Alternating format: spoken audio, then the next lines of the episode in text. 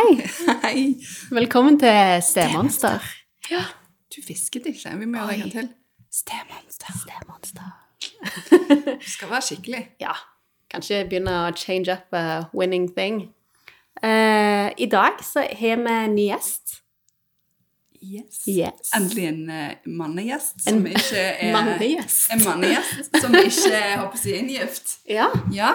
Eh, vi har med oss eh, selveste Thomas Lende Rød. Hei til deg. Hei, det. Velkommen. Takk.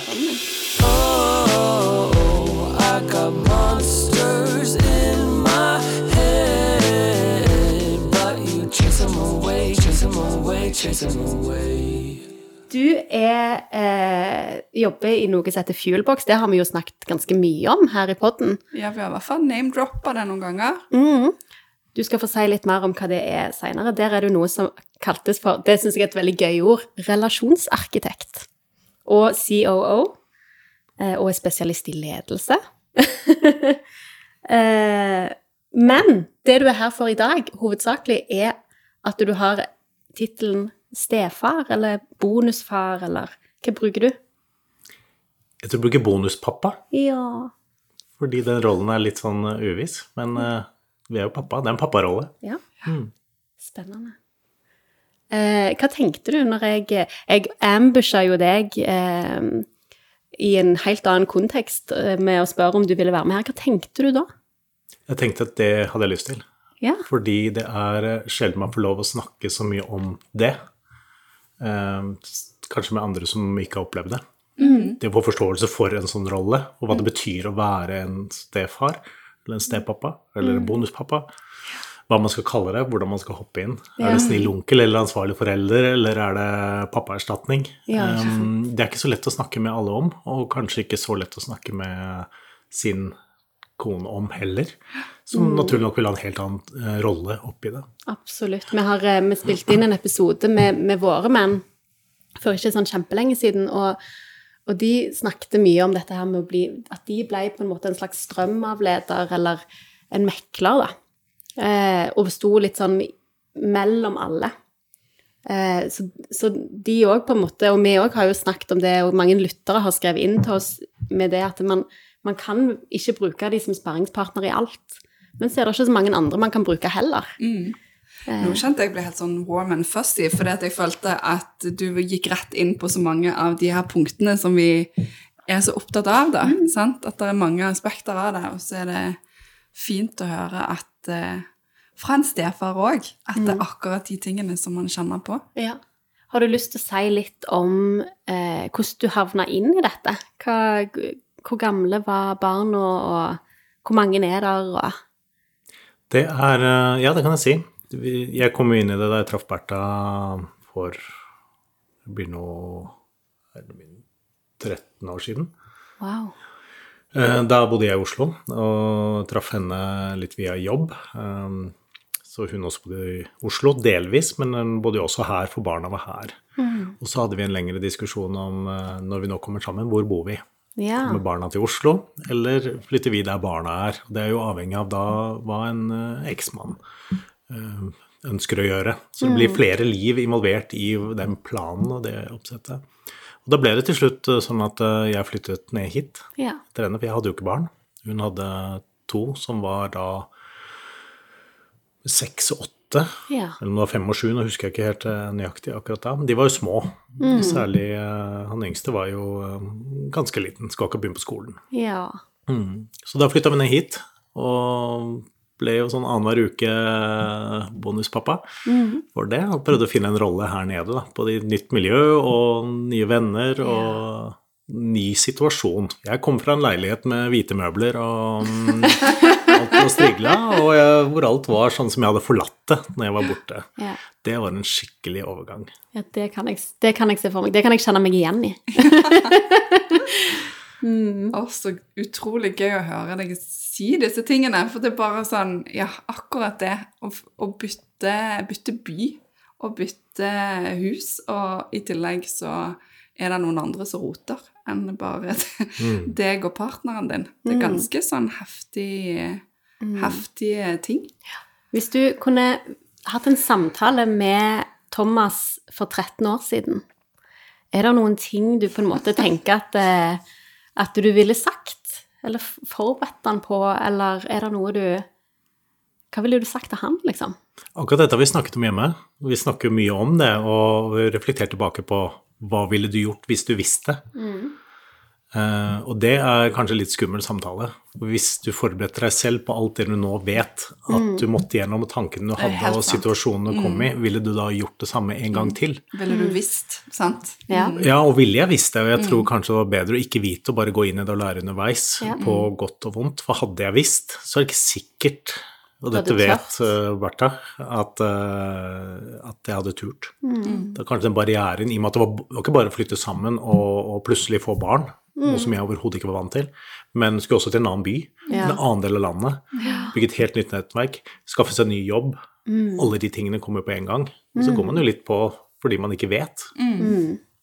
Det ordner seg. Ja. Og det gjør det jo også, eh, men det er klart det er jo en prosess. Det er jo stadig nye ting på hvert eneste år. Ungene blir større, det kommer nye situasjoner, man skal finne en måte å samhandle på eh, som par med familie. Og så kommer egne barn Ja. For det har dere òg. Ja. Så vi har to til, eh, to barn sammen, som nå er eh, ti og tolv. Ja. Så da er, og alle er gutter, var det sånn? Nei, hun Nei. yngste er jente. Okay. Ja, det er sånn som meg, det. Jeg, også, er- jeg er etterpåklart eneste jente. Koselig. Ja. Ja, men det òg er jo litt av en overgang, da. Å gå fra liksom dette med å være Først være alene, og så, og så stefar, og så, nei, eller bonuspappa, og så bli pappa i tillegg. Da, nå ble jeg veldig nysgjerrig. Eh, nå bare Ja, ja, tok jeg over. Men nå ble jeg sånn perso oi, personlig nysgjerrig. Eh, følte du deg forberedt på å bli pappa når du hadde vært stepappa, eller bonuspappa? Nei. Nei. Overhodet ikke. Uh, nå var jo jeg Skal vi se, Mathias ble født etter at vi hadde bodd der Jeg hadde bodd der nesten et halvt år, så ble han født i juni i Nei, nå tuller jeg. Han er jo født i mai. Mai i 2010, og jeg flytta ned her i januar i 2010. Wow. Før det så hadde jeg pendla frem og tilbake. Eh, så egentlig ikke hatt så Vært så tett på gutta hennes eh, den perioden. Mm. Så det var jo da et halvår hvor vi bodde sammen, hadde de annenhver uke den tida, som var en overgang. Men eh, det å ha egne og det å ha ansvaret for noen som ikke er ens egne, er to forskjellige ting. Ja. Man blir glad i begge, men det er på en annen måte. Men man har en helt annen rolle. Man trår mye mer inn i det, den rollen med egne barn. Mens man famler, i hvert fall opplever jeg det, famler mye mer i den rollen du skal ha for noen andres barn. Ja. For du er en del av en tresomhet. Ja. Og du vet ganske godt at hvis det settes opp noen prioriteringer her, så kommer alle barna, også de som ikke er ens egne biologiske barn, først. Ja. Og det blir man av og til påminnet i den situasjonen. Og man opplever at det tas beslutninger, det foregår ting, det er diskusjoner som, eh, som man ikke er en del av. Og den forberedelsen klarer man ikke å gjøre for man har egne barn, for der står man jo plutselig i det selv og har på en måte 100% ansvaret, omsorgen, eh, tankene, følelsene. Så det blir to forskjellige situasjoner. Ja. Eh, Den delen som jeg var forberedt på, var jo kanskje mer eh, Ok, ikke, ikke kjøp hvit sofa. Aksepter at det ligger leker på gulvet. Uh, nei, døra er ikke låst. Ja, lyset er på. Ja. Eh, en del sånne barneting da, som nok også var en litt prosess. Ja, for du, det, jeg har jo, jeg har jo googla deg i forkant av dette, dette møtet her, og, og du, har vært, du er egentlig en gammel eh, forsvarsperson, holdt jeg på å si. Du har vært i Forsvaret. Ja, Så du liker brettekanter i skapet og jeg liker å re opp senga, ha litt orden på utstyret og, og finne igjen ting. Og det verste jeg veit, er å leite etter ting. Og når man er flere som bruker det, og, og kanskje litt forskjellige holdninger til hvor ting skal være, og hvordan det skal brukes, og hvor viktig det er å ta vare på, det er kanskje enda en liten kamp, men særlig i begynnelsen. Ja. Ting var ikke der det skulle være, og da fikk jeg helt angst. Føler du at du hadde Nå jo du, har jo du ledererfaring. Har du fått nytte av det inn i bonuspapparollen? Du blir rundere i kantene. Ja. Det tror jeg. Det er, eh, man må, må på en måte ta en rolle, spille en rolle og tilpasse seg på en annen måte enn jeg nok gjorde. Jeg var nok, jeg var nok ganske firkanta før jeg kom inn både med, med, som bonuspappa og som egne barn. Sånn skal det være. Ingen kompromisser. Eh, sette kravene og, og kjøre på sin greie. Mens det å rygge litt tilbake og se litt rundere på ting, og kanskje prioritere litt hva er viktig, hva er ikke så viktig, er ikke så viktig om de lekene ikke er rydda fra gulvet. Nei.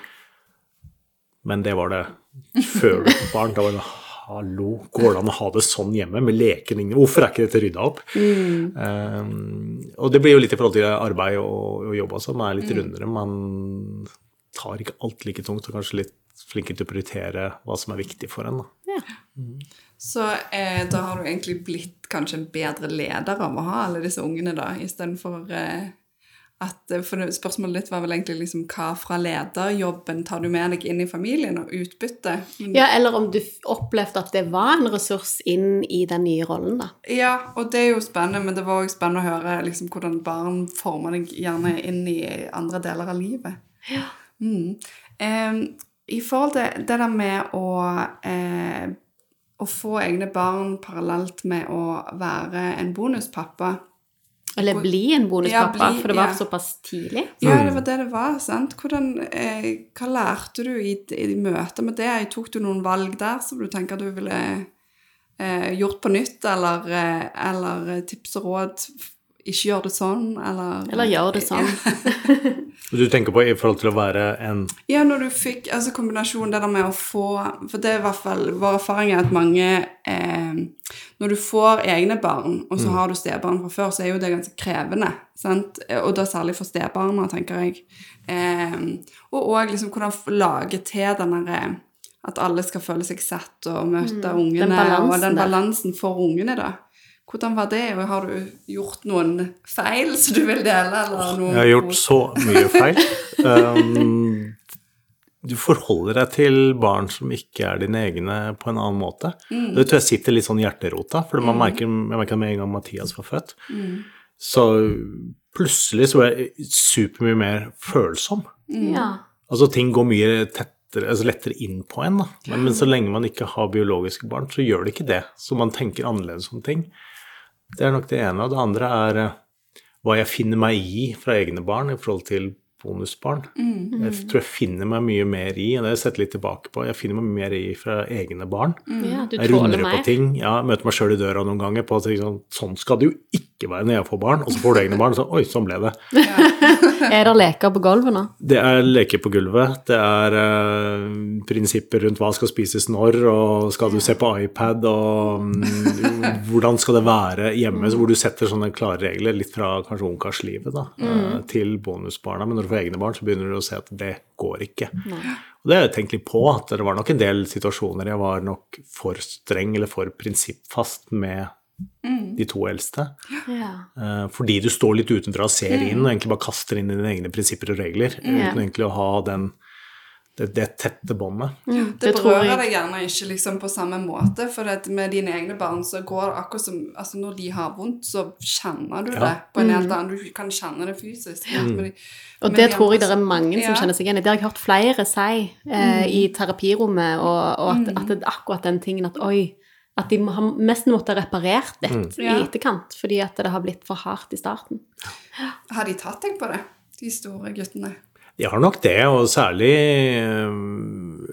å si, han ene har vært mer utfordrende å ha et godt forhold til den andre. Det går jo på væremåten og min væremåte. Fordi, og, og etter hvert som man vokser opp også, så forholder man seg jo til bonusbarna litt mer sånn som at dette er noen andre individer Ja. i forhold til de to yngste som er 'dette er mine barn'. Og det å Det må nok jobbes mye mer med den relasjonen i forhold til å gi og, og få noe tilbake. Må gi noe og få kanskje må si, kjærlighet tilbake, omsorg, eh, eh, føle at du er en del av deres liv. Så det, hvis jeg ser tilbake på særlig de første årene, så er det nok mye jeg kunne gjort annerledes, men som var veldig vanskelig å gjøre annerledes da, i å bygge denne relasjonen og være tett på. For det kosta så mye, og så får du lite igjen av barn. Ja, i alle De- fall på kort sikt. Ja, de er jo i sitt eget hode, de. Og i hvert fall når du ikke er pappaen, egentlig, men du prøver å finne en rolle som svever et eller annet sted rundt øh, kjernefamilien mellom biologisk mamma og biologisk pappa. Så prøver du å finne en rolle der som skal passe. Og hvor mye skal du tre inn i den, hvor mye tett på skal du være, hvor mye skal du gi, hvor mye kan du forvente å få tilbake? Fordi den naturlige kjærligheten fra barn, det opplegger jeg nå med mine egne barn, går jo til meg og til mor. I form av at vi er biologiske foreldre. Mens det å få den naturlige kjærligheten fra bonusbarn er ikke så lett, for den går også gjerne til de biologiske foreldrene når begge er til stede og veldig på og aktive i deres liv. Da, går, da svever du litt rundt, og det forventes at du skal gi noe inn, men du får veldig lite tilbake. Da blir det sånn Hvor skal jeg være her? Hvor langt ut skal jeg trekke meg? Skal jeg bare ta meg selv ut av alle konflikter og regler og retningslinjer og sånn, og bare ta på meg headsetet og vente til det går over? Eller skal jeg stupe inn i det som en tredjepart? Har jeg rett i det? Blir jeg involvert? Og det du gjør da, er kanskje å møte litt større motstand som bonuspappa. Ja. Eh, fordi du er jo ikke pappa. Nei. Så både på godt og vondt så går det til foreldrene. Ja. Du er en sånn litt udefinert satellitt som svever rundt det. Kan jeg spørre, eh, og nå er det lov å si pass, men, men hva, hvordan har du valgt å løse den?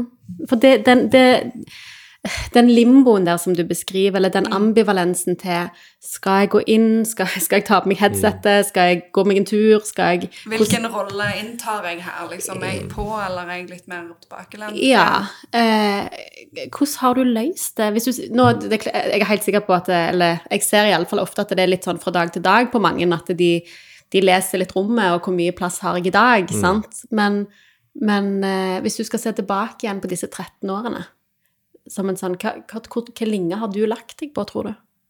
Jeg tror det også variert litt for meg òg, Ja. hva jeg har hatt energi til, og hva jeg har fått til, og om jeg har følt meg involvert eller ikke involvert. For det er jo noe med det òg.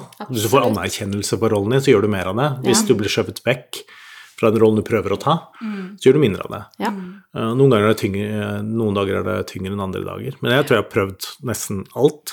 Eh, og Det er derfor det er litt godt å snakke om det sånn som, på en sånn arena som dette Ja. eh, også. Og, og dette har jeg også snakka med, med Bertha om. Det er veldig vanskelig å snakke med barnas mor Ja, i en nøytral samtale. absolutt. Jeg har prøvd å finne andre å snakke med. Vi fikk heldigvis inn, uh, innpass nede på familievernkontoret her. Ja. Og fikk en fin samtale med det om hvordan skal den rollen se ut. Ja. For det handler jo om hvordan du oppfører deg, hvordan du skal være, hva du skal si, og hvem, Mm. hvem du skal være.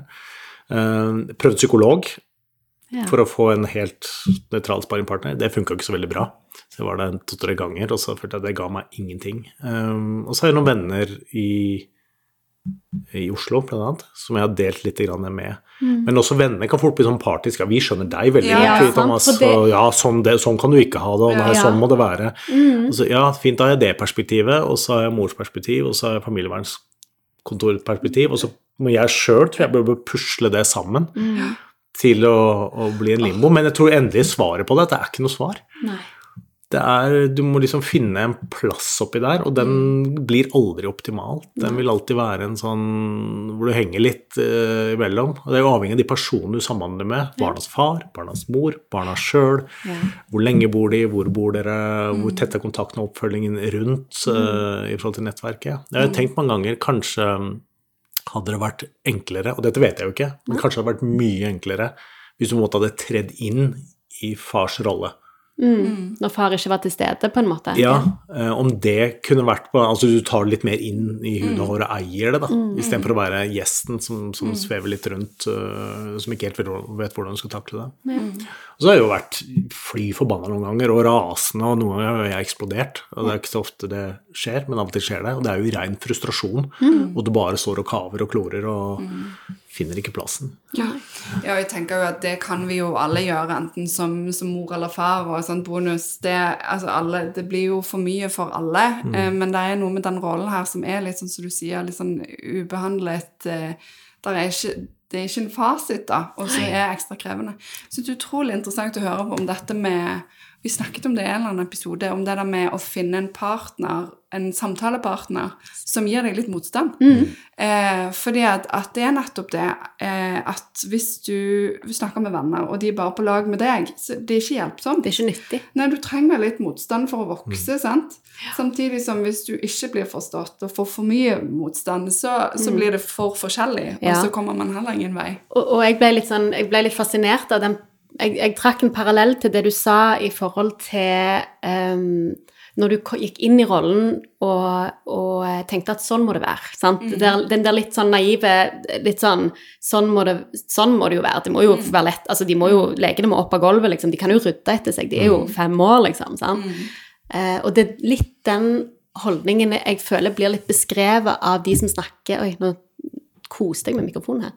Eh, med de som snakker med venner, at det er venner som ikke har stått i det, eller familie for den saks skyld, så- er det så logisk. Sant? Ja, men herlighet, du må jo sette grenser, du må jo si stopp, liksom. Eller du må Nå må dere gjøre sånn, og hallo, ungene kan ikke forstyrre alt, eller denne eksen kan ikke forstyrre alt, og så, og så klarer ikke de som ikke har stått i det, klarer ikke å se alle nyansene. Sant? Fordi hvis en eksempel Hvis det er en eks eller et eller annet konflikt der, sant? Og man, eller man blir snakket stygt om, eller, og så begynner man å snakke med ungene om det, så, så kan det bite ungene i Altså, de ser liksom ikke kompleksiteten. kompleksiteten. Akkurat som man, når man trer inn i rollen, gjerne når man ikke har barn, ikke ser kompleksiteten. sant? Eh, at det er noe med å finne noen som, som kan skjønne den, som ikke For det kan iallfall jeg oppleve hvis jeg snakker med noen som, som ikke skjønner den kompleksiteten. At det Ja, det er godt med oppbacking, men, men det kan òg bli veldig frustrerende. Fordi at man står og stanger egentlig bare i andre enden. sant? Det, er- det er noen, noen barrierer, det er noen sånne grenser eller rammer du ikke kan bryte. Det var det vi snakka om innledningsvis, med at um, den biologiske tilknytningen noen andre har, som du ikke er en del av, der blir du ganske satt på plass. Ja. Så, sånn ser dette ut. Det er barnet, og så er det deg. Og den rekkefølgen kommer den alltid til å være, uansett hvor mye vi diskuterer, uansett hvor mye saklig argumentasjon du har. Barna først, så deg. Og da er Aldri nummer én. du Du er aldri nummer én. Uh, og du er, ikke nummer én, du er ikke nummer én i forhold til egne barn, men der kjenner man jo veldig på deg At det er greit. Jeg ville også prioritert mine barn foran meg eh, når som helst. Ja. Men det er også noen andre da, som er foran meg. Snakket dere om det i forkant? Det husker jeg eh, Tommy, altså min, min mann, han, han sa jo det før jeg traff ungene. At går du inn i dette, så, må du, så er det en, en sterk andreplass. På en måte. Det er, og det er ikke fordi at jeg ikke liker deg, men det er fordi at de det, Vi må gjøre det som er best for de. Og så kommer det som er best for deg etterpå. Han var veldig tydelig på det. Var det noe du ble forberedt på, eller var det en samtale dere Hadde dere den type avklaringer i forkant? Ikke direkte, men det var jo litt diskusjon med Egentlig, egentlig så håpet vi jo at alle skulle flytte til Oslo, skulle fortsette livet der. Ja. Og det var jo en kjempeenkel løsning. Alt kom seilende opp til meg, og så slapp jeg gjøre så mye mer. Eh, Da hadde det blitt rodd på ditt gulv. Ja, Bert hadde til og med kjøpt en leilighet foran min leilighet i oh, samme ja. boligområde, så alt var rigga til. Ja. Um, Men så ble det ikke sånn. Og da blir det omvendt. Og da føler du veldig ok, nå flytter jeg på grunn av Ja. noen barn. Ja. Jeg flytter av et gammelt forhold. ja. Det er et spennende utgangspunkt. noen andre sitt Ja, da flytter du litt med, eller da går du inn i det litt med minus, og da trenger Ja. du ganske mye pluss. Ja, ja. Ja. Og så kommer du ned, og så, og så har, vi, har vi ikke snakka mye om det, for jeg har ikke tenkt på det heller. Men det er det Ja, og så må du huske at eh, nå har du flytta hit, nå har du bytta jobb. Nå har du reist vekk fra venner og nettverk og sånne ting. Og by the way, du er nummer. Ja. Når du får egne barn, så er du nummer tre. ja. Ok. Ja, nei, men Det går sikkert fint, det er jo naturlig, det høres fornuftig ut når man sier det, men når det kommer til praksis, og du begynner å merke det, at uh, selv om du kanskje har fornuftige argumenter eller sterke følelser, eller kjenner eh, en sårhet eller har det vondt sjøl, så ja, men skjerp deg. For du er voksen, Ja. vær voksen, og ta, finn din plass, fall inn, liksom. Ja. Og så, ja, det høres jo veldig fint ut, dette har vi ikke snakka om, men jeg kjenner det er fint å si, men ikke så lett å gjøre. Nei. Og når du har det vondt og trenger å snakke med noen, eller trenger å dele noe, eller få, få aksept for egne følelser, så er det ikke rom for det. Nei. For du er den For det er, voksne. ja, du er voksne. Skjerp deg, tilpass deg. Det er veldig Slitsomt. spennende. Jeg hater å være voksen av og til. Ja, altså, det bare litt ta seg sammen og være voksen. Ja. Da begynner du å leite rundt etter hvem kan jeg snakke med om dette. Ja. Hvem har gjort det før? Og kan, så er alle situasjoner ganske unike, tror jeg, Ja. fordi, fordi alt handler om hvilke relasjoner far, mor, bonuspappa og barn har. Den dynamikken er jo unik for hvert eneste forhold. Virkelig. noe, Da er det på tide at vi begynner å snakke om kjønn igjen. Ja.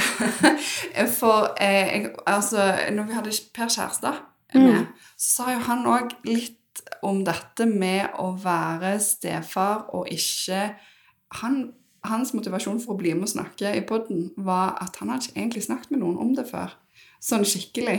Eh, og at det er litt sånn manko. At man har, man er, Det er gjerne ikke det man liksom lettest tar opp når man går på pub eller, eller eh, et eller annet veldig mandig som man ellers gjør. Eh, så ja, hva tenker du om det? Har du, har du liksom kompiser du har kunnet snakke med, med det om? Eller du, du sier du har eh, oppsøkt psykolog og familievernkontor. Det tenker jeg jo er Klokt. Ja, og det har vi snakket om òg. At bruk, bruk det som er. Men bruk òg de man har, da. Men har man noen spiller på dette? Er, er menn god på det? Nei, Nei. Kort. egentlig ikke. Vi hører på det og sier 'Å ja, det høres vanskelig ut'. Men du, neste skitur, når er den? Ja. Og så drar man det videre. så man, vi, vi er ikke så flinke til å snakke om følelser eller snakke om ting som er vanskelig, eller virkelig grave i det. Eh, vi er rett på løsningen. Mm. Og så Vi anerkjenner at nå har du det vondt, men la oss snakke om noe gøy. ja. Så gjør vi det. Ja. Og, så det er ingen å snakke med. Og du kan, det er veldig vanskelig å snakke med noen som ikke har vært gjennom det sjøl, for de kan se det fra en veldig nøytral rolle, som jeg gjorde før jeg gikk inn i det. Da virka det jo greit. ja, da er det jo Ja, veldig enkelt. tar du rollen, flytter dit, bor i det huset, jobber der. Ja, det ser jo fint ut Ja. På film. Ja. Men så er det masse som skjer oppi det, mm. som, um, som ikke er så lett, som man gjerne skulle lufta dem med noen på. Og det andre er jo familievernkontoret. Du får ikke nødvendigvis innpass der, selv om du kommer i en bonuspapparolle. Da skal du ha, liksom, ha noen utfordringer for å få lov å komme inn. Så det var et nødskrik at vi fikk kommet inn der for en samtale. Ja, okay, Men det var faktisk nyttig, for de har jo ganske bred erfaring med, med familier og Ja. hvordan det funker. Ja. Og, og par, ikke minst. Vi har jo snakket mye om det at, eh, at man i en, I en ordinær familie så er jo selvfølgelig foreldre Altså paret er jo både liksom foreldre, men de er jo òg et par, og det er viktig. Det er jo det som gjør at de holder sammen. Men, men man hører veldig ofte at eh, folk sitter hos oss og sier at ja, vi holder sammen pga. ungene. Men i, et, i en bonusfamilie så er det jo nesten litt motsatt. Sant? At, eh, at ungene kan bli for mange en, en slags splittelse, da. Så, så paret i bonusfamilien er gjerne enda mer sentralt. Eh, og enda mer viktig enn i en Selvfølgelig veldig viktig i en ordinær kjernefamilie òg, men, men kanskje enda mer sårbart, da. Ja, det er, nå sa du det på en enda tydeligere måte. For det, ble, det ble liksom i et biologisk mor og far, barna er limet. eh, ikke biologisk mor og far, mens det er bonus. Barna egentlig, jeg håper å si i salo i oppvasken, håper å si at det skilles. At det, at det blir hinderet, da. At det er det som gjør at det, Det blir kan bli. Kan bli. Kan bli. Ja. da, men er en, en, ofte en veldig stor del av det som kompliserer det, sant? og som gjør det vanskelig. Ja, for du forholder deg til flere parter. Du forholder Ja. deg til noen andres barn, Mm. men du forholder deg også til noen andres barns far Ja. oppi dette her.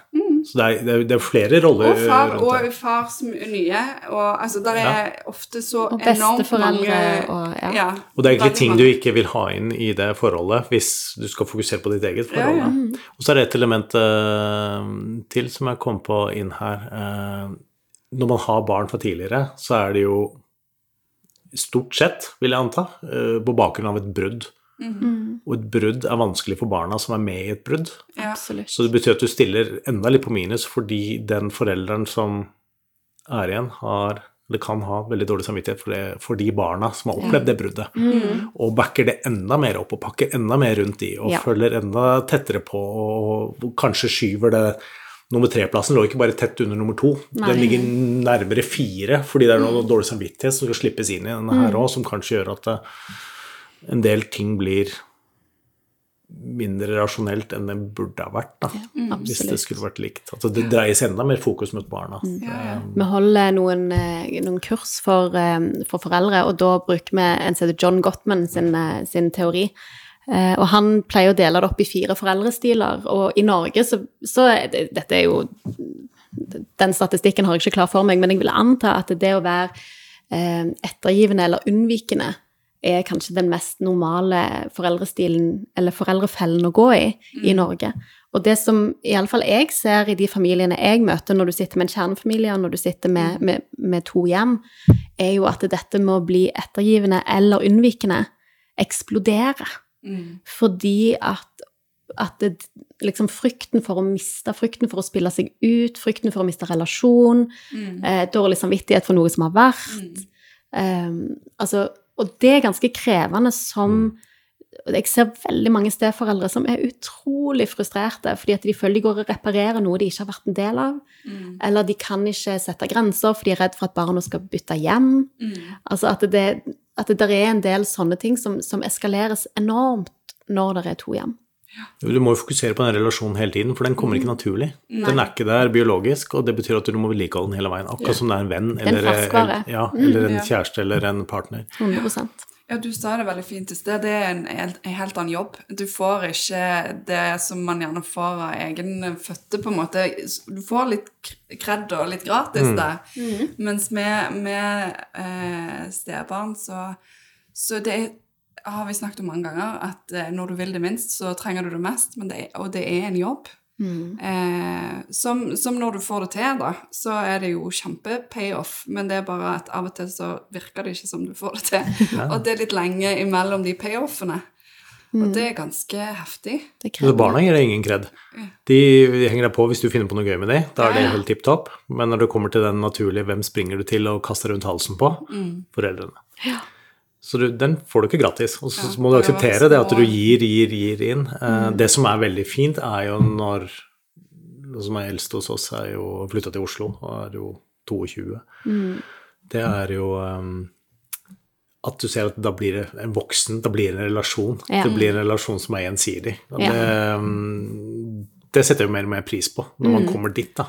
Og har klart Mm. Ja. å være med ut. hele veien. Ja. Og det tror jeg, det har jeg hørt veldig mange si, at når de blir Altså, ja, man får ikke payoff umiddelbart, sant. Men Man legger inn aksjer, man legger inn Jeg, jeg, jeg sammenligna det i en episode som å spare i fond. At når du går inn i banken, så ser du at av og til er det røde tall, av og til er det grønne tall. Eh, og så skal man egentlig bare fortsette å le spare jevnt, sant. Eh, og stole på at en dag så er de veldig grønne. Du må holde ut i 20 år, så Ja. kommer det til slutt. Ja, ja, og han Hallgeir i Luksusfellen, han sier, eller, eller Pengerådet sier jo det at det, det er, du må ha mer enn et par års perspektiv, ikke sant? Eh, og det er litt det samme her, at det, jeg, jeg tror veldig på at hvis man gjør en, eh, en god jobb, så kommer de tilbake igjen. Og det gjelder jo for ordinære foreldre òg, biologiske foreldre òg, at de mister jo gjerne barna litt i tenåra, og så kommer de tilbake, da. Det, men jeg lurte på en ting til i forhold til kjønn. Nå hopper vi litt fram og tilbake. Men når vi snakket med Per, så la jeg ut en hypotese om eh, at, eh, at det der er en forskjell på stefedre og stemødre. At eh, Jeg husker når, når eh, Tommy har beskrevet sitt, eh, sin, sitt virke som pappa, så sier han at folk ble jo overraska over Eller de klapte meg på skulderen fordi at jeg klarte å ha fire barn alene. Men jeg har jo lagd disse barna, selvfølgelig skal jeg klare det alene. Altså, han følte liksom at han fikk så mye kred for å gjøre noe som han gjerne tenkte bare var helt sånn ordinært. Noe som gjerne ikke mora fikk, sant? Eh, og, og det overførte meg jo litt til dette med stefedre, at man gjerne Kan du kjenne deg igjen i det? At, at man gjerne får veldig mye At kvinner gjerne forventes mer av? Eller opplever du at det har vært høye forventninger til deg som Ja, for vi snakker jo, Det er jo flere som har nevnt det òg, at, at stefedrene ofte får en litt sånn Hvis du inntar noe mer enn en liksom hyggelig onkel, eller liksom en, en, en på besøk, eller et eller annet sånt, så, så får man som stefar mer kred, mens en stemor er flere liksom litt ute etter å ta, og har ganske høye forventninger til. Både i forhold til at de skaper trøbbel, men òg at de bør liksom Ja, jeg, jeg vil på en måte påstå at stemødre har et litt dårligere rykte enn stefedre, på et vis. Er det noe du kjenner deg igjen i, eller? Det kan jeg egentlig ikke svare på, for jeg, jeg kjenner Jeg vet ikke hvordan stemødre har gjort det. Nei. Men jeg tror sånn i, i vår situasjon, så I og med at man er forskjellige, og, og det er jo forskjell på, på kvinner og menn Jeg tror noe, kvinner liker noe mer å bygge det rede enn mannen. Det gjør jo at det kanskje både er mer aksept, men også mer løsning for meg å si å, nå må jeg på tur. Ja. For nå må hodet hviles. Og, og hvis hun hadde gjort det, så kanskje det blir sett litt rart på. Men når jeg gjør det, så er det mer sånn ja, det forstår vi veldig godt. Bare reis du, ta deg en Ja. pause. Um, Bra jobba. ja, lurt. Så det, det har vært vår, eller min go to opp igjennom når det har vært litt, eh, litt tungt. Men um, Jeg vet egentlig ikke om forven- forventningene er annerledes. Det er jo mange som har sagt at å, jeg skjønner det er tøft, og at du turte, og at du, at du har klart det. Liksom, Men som du sier, det er jo bare fire barn. Ja, ja. Det er jo ikke en helt uoverkommelig oppgave. Veldig mange har fire barn uten at de får applaus og klapp på ryggen Absolutt. for det. Um, men det er ingen som har kommentert det, for jeg, nå reiser jo Bertha ganske mye jobb. Da er jeg hjemme med hele bunten. Det går veldig greit. Det er ikke veldig jålete middager, det skal jeg innrømme, men vi får det til å gå rundt. Ja. Og det, jeg har aldri fått en eneste kommentar på 'å, så flink du er' Oi. på det. Og det er jeg litt glad for, og jeg har ikke tenkt på sjøl at jeg burde få. For jeg tenker det er en helt naturlig del. Altså noen må være hjemme og holde det fortet. Ja. Og det får vi nå gjøre Nå ble jeg litt glad på likestillingens vegne. Ja, ja. Det var, det, det, du fortjener masse kred, altså, for all del. Det var ikke sånn meint, men, men det var en litt sånn Jeg vil ikke ha kred. Nei, jeg vil tydeligvis ikke ha det, men, men, men du får det likevel. Mer, mer for at, at eh, Forventningen til seg sjøl, at det er en Ja. selvfølge. Ja. Mm. Bra. Ja, men jeg tror man være hvis man skal være Vi snakka litt sånn før vi starta her i dag, det med, med det teamet som er, med, som er som par, da. Og da er det noen oppgaver som må løses, og så er det en del om moro man skal ha. Og moro er veldig lett å ha, men de oppgavene må løses av to. Og hvis den ene sitter med overvekt av det, og, og den andre får kred den gangen og gjør en sånn gjesteopptreden, så kjenner jeg Hvorfor det? Det er jo et fellesprosjekt. Det er jo, det er jo som en jobb. Absolutt. Man kan ikke bare velge noen av noe av det du syns er gøy oppi det. Absolutt. Det var alt vi rakk for i dag. Men eh, du, Thomas, du er med oss neste uke. Heldigvis. Heldigvis. Da skal vi snakke litt om fuelbox og Kjønn og ja, litt andre ting. Ha det godt. Takk for i dag. Oh, I got monsters in my head, chase them away, chase them away, chase them away.